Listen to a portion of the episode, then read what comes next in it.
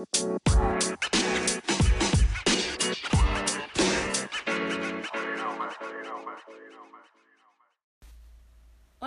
Velkommen tilbake til Uno Rebell. Jeg er Uno Maria, men bare kall meg Mia. Historien til navnene mine det får vi ta en annen gang. Men jeg må nesten gi en shout-out til pappa, som jeg låner navnet Uno fra. Jeg starter en podkast fordi jeg syns at universet har så mye mer å by på enn hva f.eks. skole, jobb og nyhetene lærer oss. Jeg garanterer ikke at alle tingene jeg snakker om, stemmer. Alle har sin helt egen oppfatning og må finne sin egen sannhet som resonnerer med dem selv.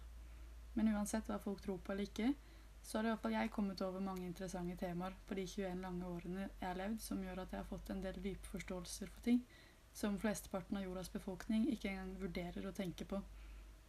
Jeg vet at 21 år ikke er lenge i det store bildet, men jeg føler på en måte at jeg har levd flere livstider på dette ene livet. Så det føles som om disse 21 årene har vart veldig lenge. Jeg har virkelig sett, hørt og opplevd ubeskrivelig mye rart på den tiden. Men jeg skal prøve å likevel sette ord på noe av det, og dele noe av det med dere. Jeg kommer til å snakke om ting som spiritualitet, energier, astrologi, psykisk helse, konspirasjonsteorier og litt vitenskap. Det er to av vennene mine som jeg egentlig har avtalt med for lenge siden at vi skal lage podkast sammen og snakke om ting som f.eks. det jeg nettopp nevnte. De vennene mine heter Korsa og Munir, bare sånn for å gi de òg en liten shout-out. Grunnen til at de ikke blir med på å lage podkast nå, er fordi de har en del andre ting i livene sine som de må nødt til å prioritere først. Og det er helt forståelig.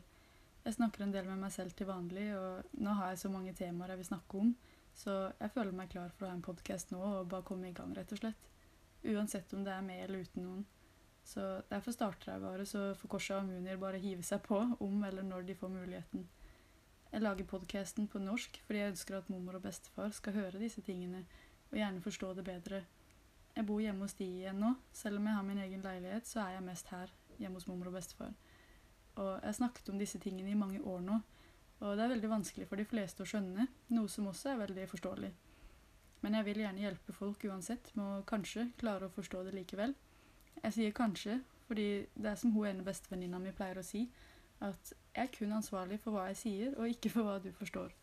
Det er noe jeg syns er veldig bra sagt. For man kan virkelig ikke stå ansvarlig for hva andre folk forstår av de tingene man sier, når man bare snakker for seg selv. Jeg syns i hvert fall at det er så lite informasjon å finne om disse overnevnte tingene på norsk, og bestefar f.eks. er ikke akkurat den flinkeste i engelsk, så selv om han er veldig flink til nesten alt, så hadde det vært litt vanskelig for han om jeg bare satt på en engelsk video for eksempel, og sa 'hør på det her', liksom.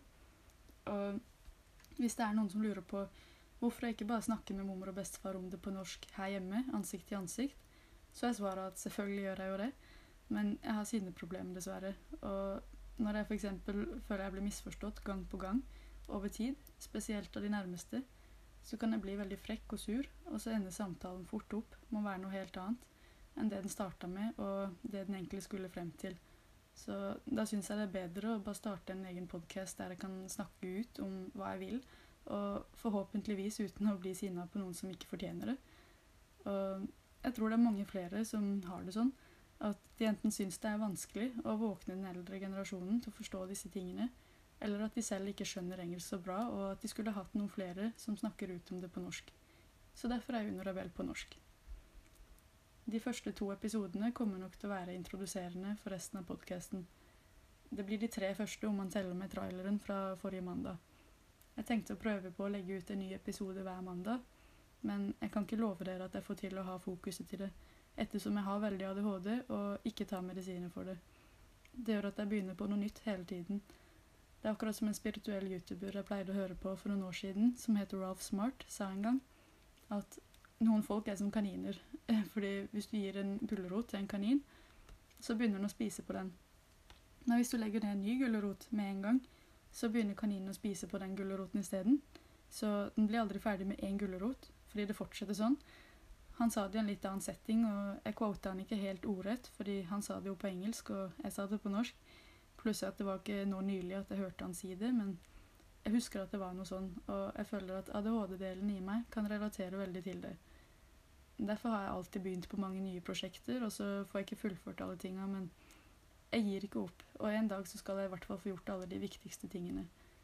Nå håper jeg ikke at eh, det er noe jeg har glemt å si i denne episoden som jeg burde fått med, men som sagt så blir jo neste episode også litt sånn innledende slash introduksjon, så da får jeg heller prøve å ta det med i denne episoden i så fall.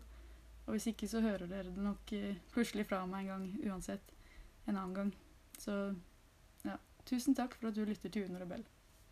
Ha en fin dag.